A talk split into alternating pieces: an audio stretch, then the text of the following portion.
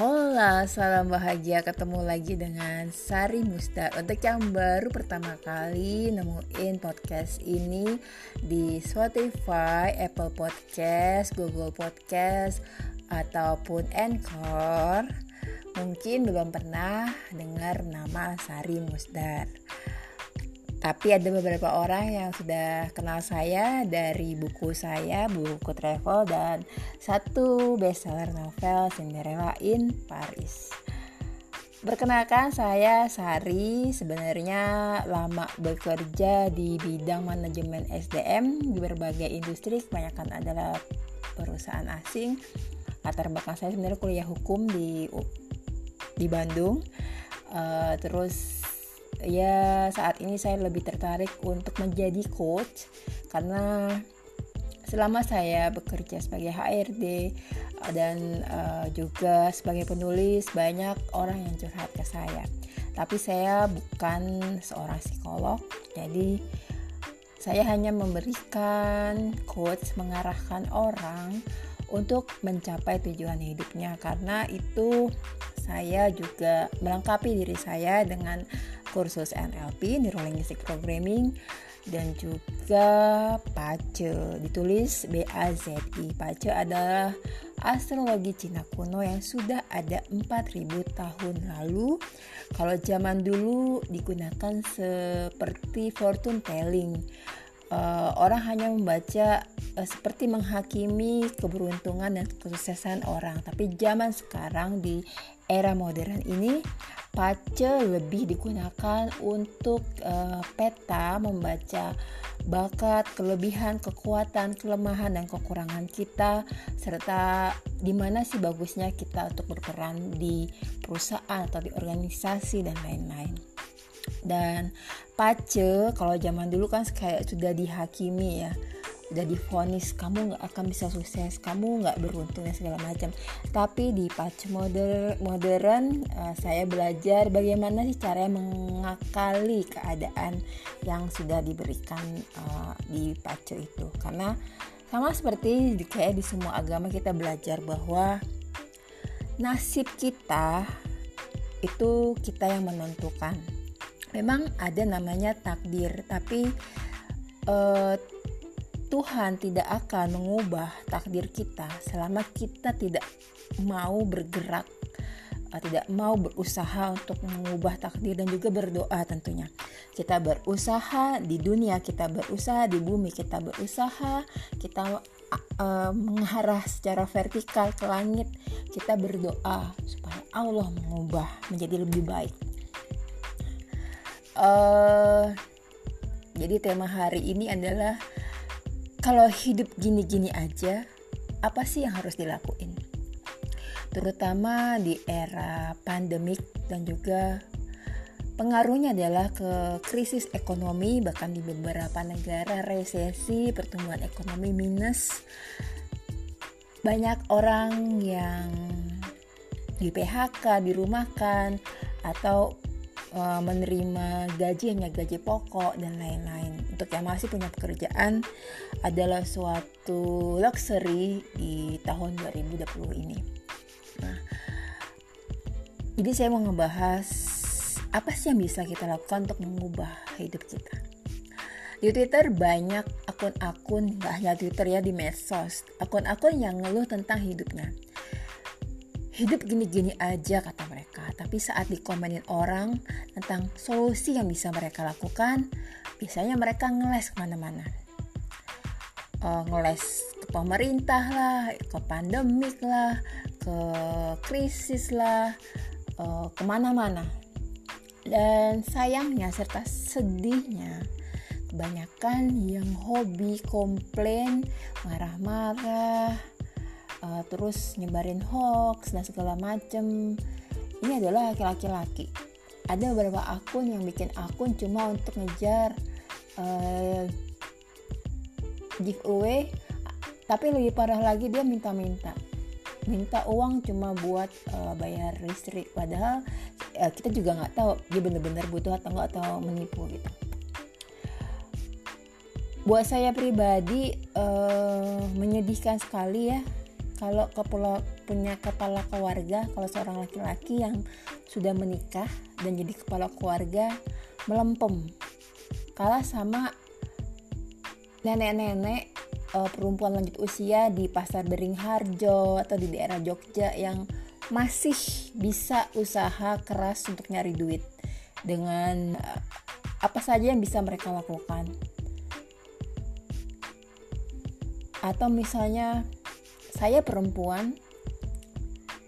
Saya tahu saya harus mencari duit. Ya saya cari duit cari duit dengan um, akal akal dan pikiran saya.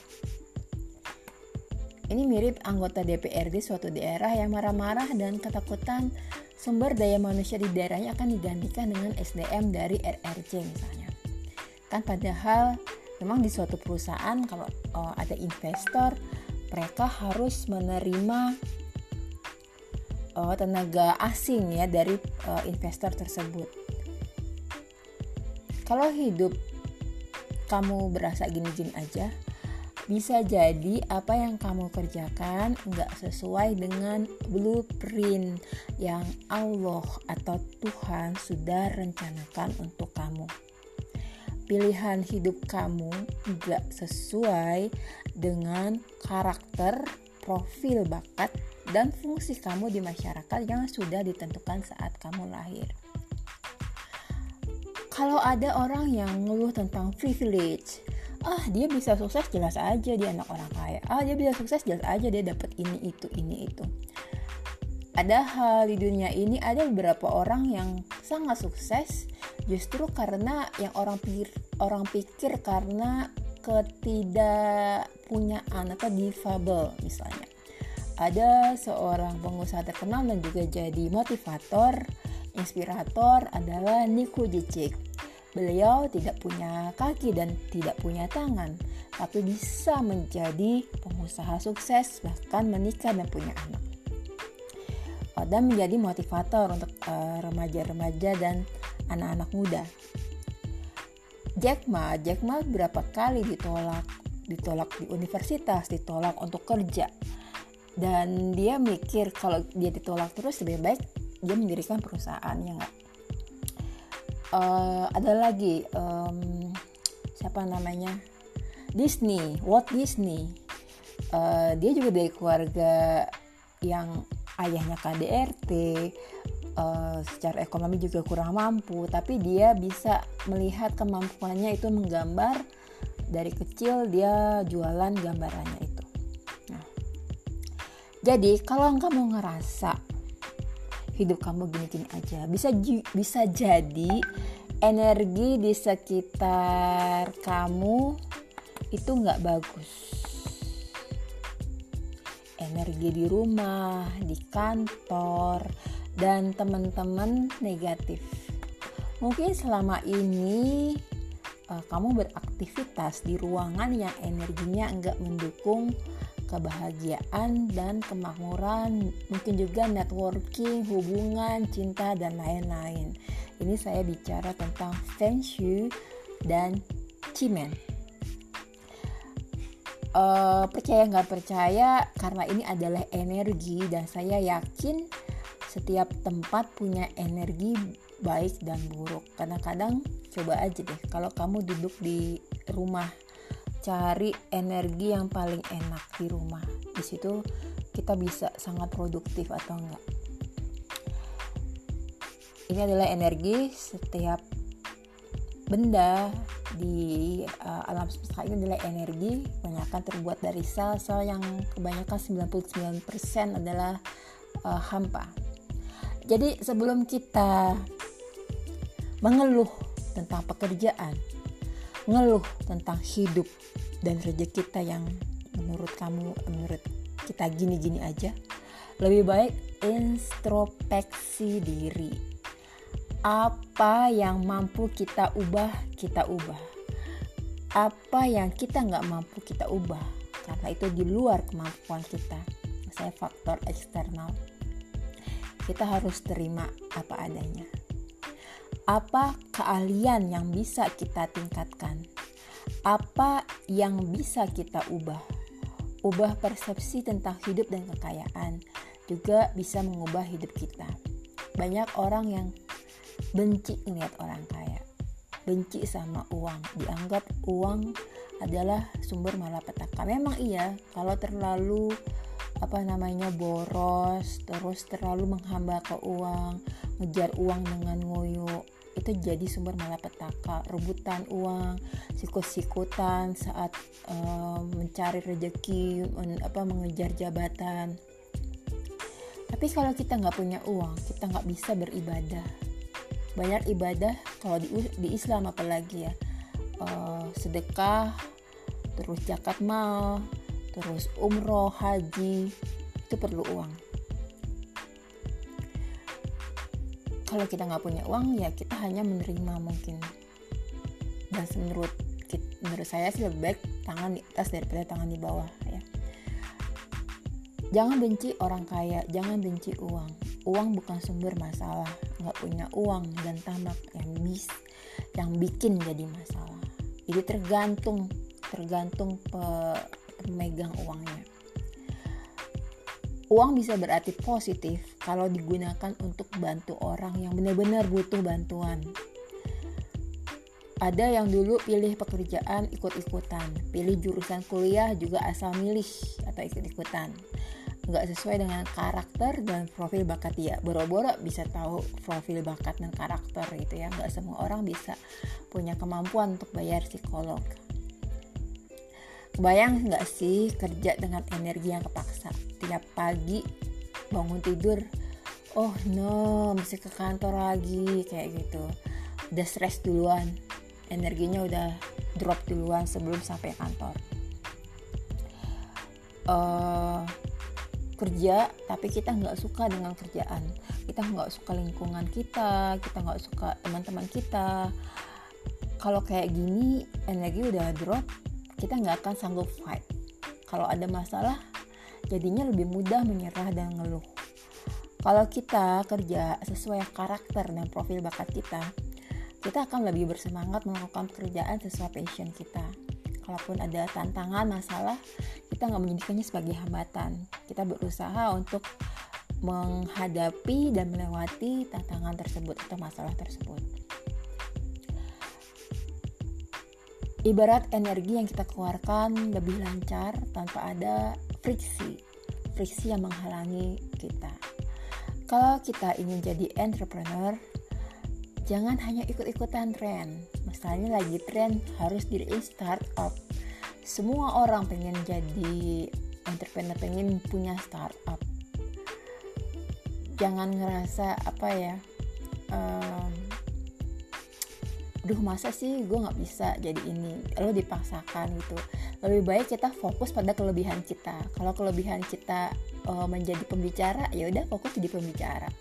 Kalau memang kelebihan kita adalah entrepreneur harus harus bikin usaha buat uh, produk yang kreatif ataupun jasa yang kreatif.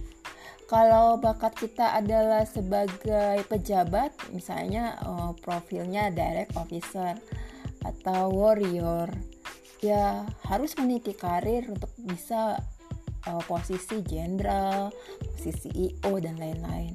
Kalau bakat kita memang uh, di belakang meja, misalnya akunting, ya menata karir di bidang akunting sampai bisa atau finance sampai bisa uh, posisi CFO, uh, Chief Finance uh, Officer dan lain-lain. Dia harus tahu jati diri kita seperti apa bakat dan uh, karakter kita seperti apa terus mimpi kita apa passion kita apa. Kalau Natal Chartnya nggak ada potensi entrepreneur ya seandainya tetap maksa menjadi entrepreneur berarti kamu harus kerja keras berkali-kali lipat dari orang yang memang dari lahirnya sudah berbakat untuk menjadi entrepreneur.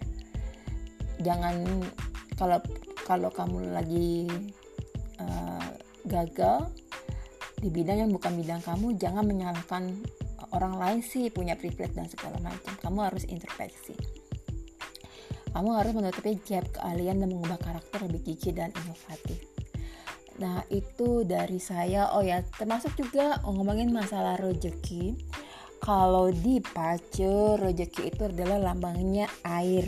Itu kenapa mungkin kebanyakan orang Tiongkok atau orang keturunan Tionghoa uh, mereka punya di rumahnya ada sudut tertentu ada feng shui uh, apa namanya kayak air pancuran akuarium kayak gitu ya. Karena itu untuk menarik energi rezeki. Sama seperti air. Air itu harus mengalir. Energi juga harus mengalir. Jangan egois mau dapat duit mau dapat uang dari orang saat kita sudah kerja. Tapi saat kita meminta orang misalnya teman jualan kue kita minta gratisan atau kita nanya resep. Teman jual uh, dia baru nulis buku kita minta gratisan. Jangan jadi teman yang seperti itu. Uh, kecuali dia dengan ikhlas menghadiahkan itu ke kamu. Nah, biasanya kalau kita me, apa ya memotong rezeki orang, ya rezeki kita juga akan kepotong. Jadi harus timbal balik, harus introspeksi juga. Supaya rezeki kita lancar gimana sih? Kita juga harus melancarkan rezeki orang kecuali kalau misalnya kita memang belum mampu untuk membayar sesuatu lebih baik bilang terus terang orang akan lebih suka orang-orang yang jujur Sekian dari saya, semoga bermanfaat. Jika bermanfaat, mohon jadikan uh, podcast Sari Musdar sebagai podcast favorit dan juga sharing bagi-bagiin ke teman-teman yang mungkin sangat membutuhkan. Oh ya, untuk tahun ini tahun ini kalau teman-teman mau bisnis uh, untuk sekedar bertahan ya, kita kan juga harus adaptasi, jangan pengennya apa namanya? Uh, kayak kekeh gitu. Pokoknya saya tetap bisnis bidang ini padahal dari bidang itu nggak ada nggak ada penghasilan. Kan kita harus adaptasi kita harus melihat uh, kondisi saat ini seperti apa sih. Uh, nggak mungkin kita jualan misalnya travel ataupun tour. Berarti kita harus alih profesi atau alih bisnis untuk sementara gitu kan ya uh, untuk tahun ini industri yang bagus itu adalah di bidang kayu ataupun untuk freelancer. Freelancer yang um, kan kebanyakan perusahaan PHK ya. Banyak freelancer yang tetap dapat pekerjaan. Tentunya kita juga harus tetap memperkuat personal branding kita dan juga marketing kita ya. Oke untuk uh, tahun 2020 ini karena kayu logam dipengaruhi oleh air tapi untuk uh, kolom bulan atau kolom karir dan pekerjaan adalah kayu Industri yang bagus untuk tahun ini adalah pakaian ataupun fashion, termasuk juga masker dan karena tahun ini booming banyak yang bikin bayi. 6 bulan ke depan, eh, 9 bulan ke depan ya dari tahun Februari ya, dari bulan Februari. Hitung aja 9 bulan ke depan pasti uh, kita banyak yang butuh uh, pakaian bayi atau perlengkapan untuk bayi. Kemudian adalah mebel, terus juga perkebunan, sekarang orang harus apa namanya menanam sendiri kalau bisa untuk memenuhi kebutuhan uh, terus juga pendidikan dan pengajaran termasuk juga training banyak justru banyak di luar negeri. Hmm, contohnya kayak Nes Nes Daily. Sekarang dia bikin akademi uh, kayak saya kursus pace justru beliau uh, banyak bikin kelas uh, streaming ya kelas online. Jadi justru pendidikan, pengajaran, coaching, konsultasi, konseling itu bagus di tahun ini. Orang banyak yang stres, butuh butuh seseorang ahli untuk membantu orang supaya nggak stres, supaya juga kalau yang uh, pengen ketujuan hidupnya bisa diarahkan. Coaching juga tetap bisa. Yang terakhir adalah kesehatan. Jadi tahun ini yang bagus industrinya adalah yang bersifat elemen kayu yaitu pakaian dan fashion termasuk juga tadi ya perlengkapan bayi terus juga mebel dan juga perkebunan uh, terus juga pendidikan dan pengajaran termasuk coaching, konseling, konsultasi, training, dan juga terakhir kesehatan. Kalau ada pertanyaan, silakan kontak saya. Yang paling cepat saya jawab adalah di Instagram, DM saya di Instagram @sarimusdar. Sekali lagi mohon bagikan konten ini ke teman-teman yang mungkin membutuhkan. Salam bahagia dan sukses dari saya. I'm sending my virtual hugs.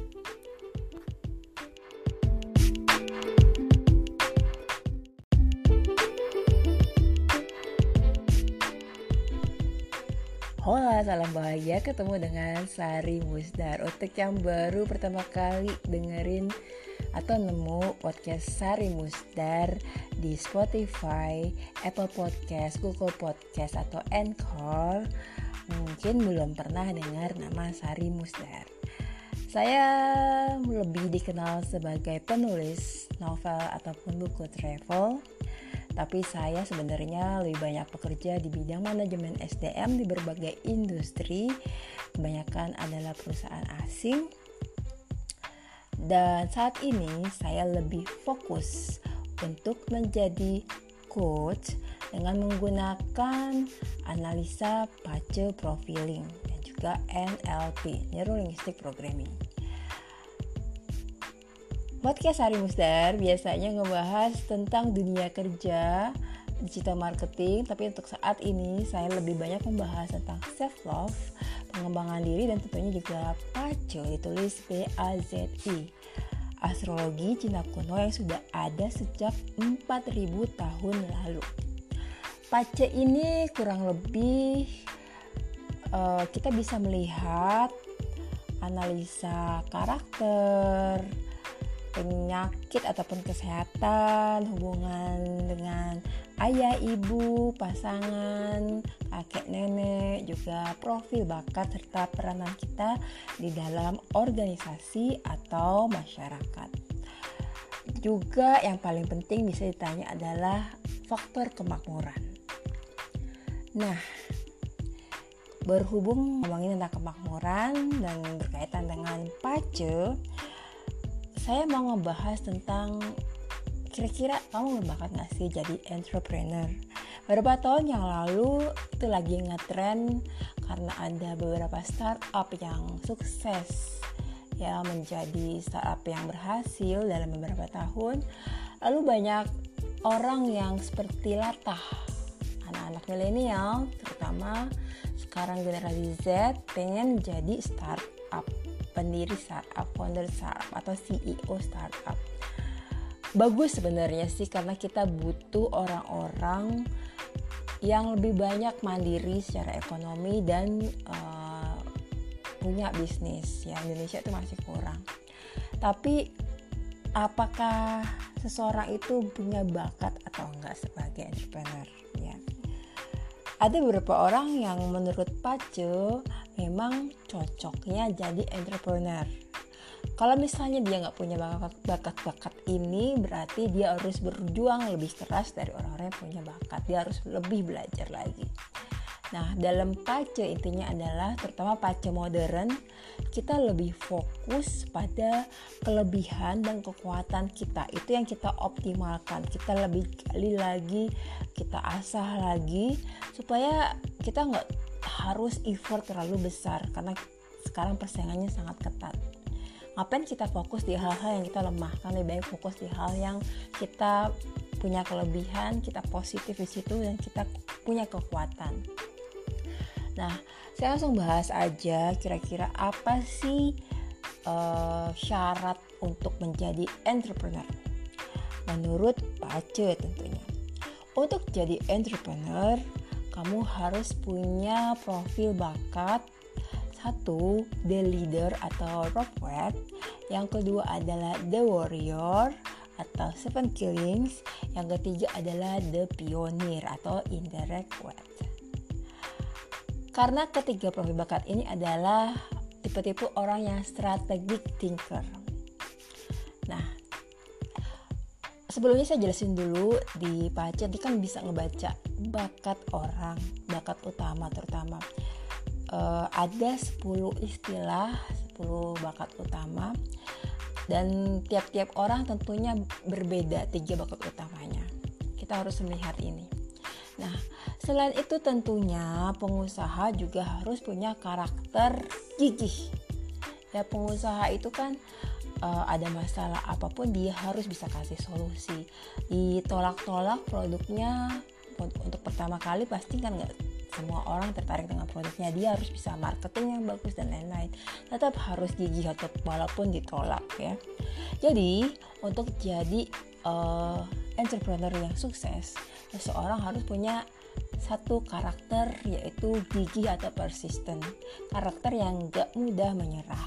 Karakter persisten ini bisa lihat di natal chart atau grafik kelahiran seseorang. Jadi di Pace ada beberapa grafik. Yang pertama adalah natal chart. Anggap aja ini adalah preparation persiapan kita dan ada pula luck pilar. Luck pilar adalah siklus per 10 tahunan.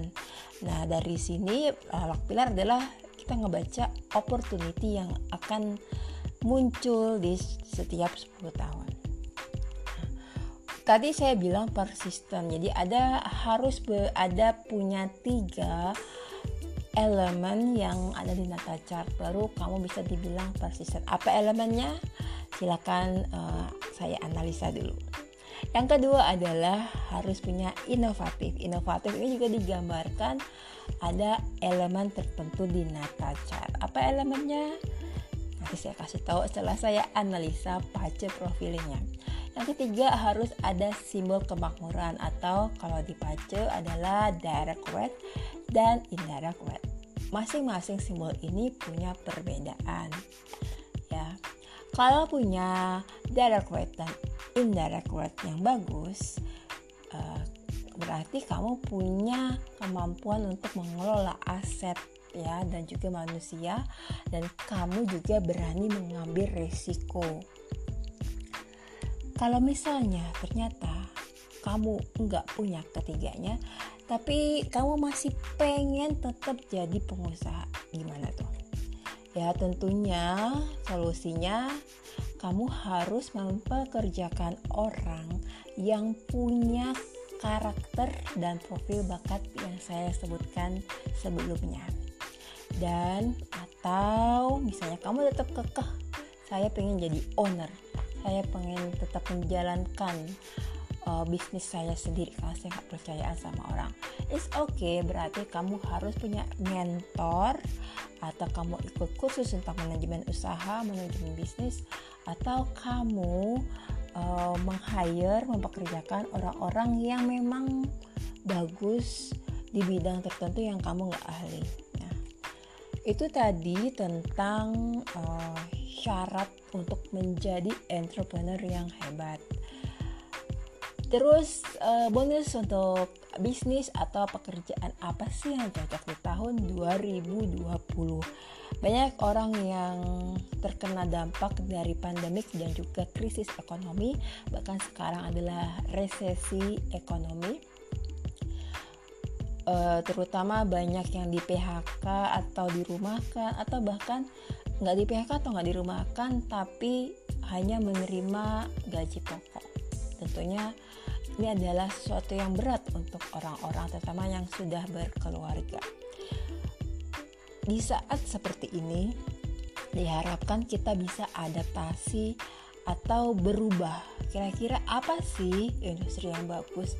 Gak mungkin kita harus bertahan di industri yang tidak memberikan keuntungan buat kita. Nah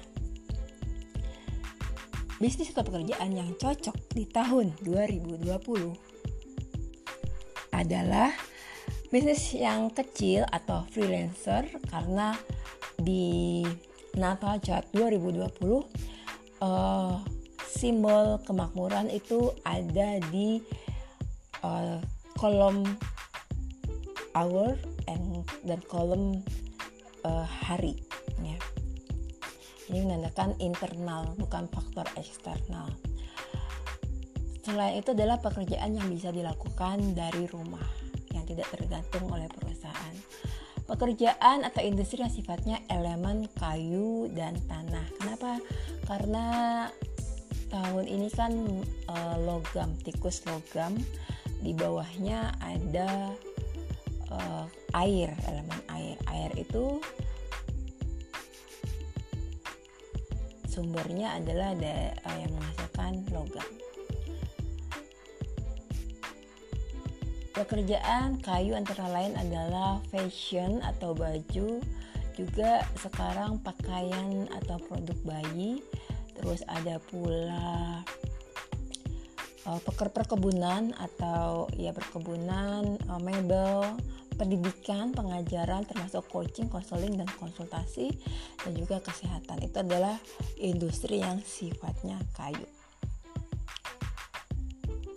Sekian dari saya tentang bakat apa yang harus dimiliki atau karakter apa yang harus dimiliki untuk menjadi entrepreneur yang sukses. Semoga bermanfaat. Kalau bermanfaat, jangan sungkan untuk menjadikan podcast Sari Musdar sebagai podcast favorit atau jangan pelit untuk membagikan karena kalau di Pacu saya belajar untuk menarik energi kemakmuran energi apa pun yang positif kita harus memberikan energi terlebih dahulu Terima kasih sudah mendengarkan, semoga bermanfaat. Kalau ada pertanyaan bisa kontak saya langsung di inbox di Instagram @sarimusda. I'm sending my virtual hugs to you.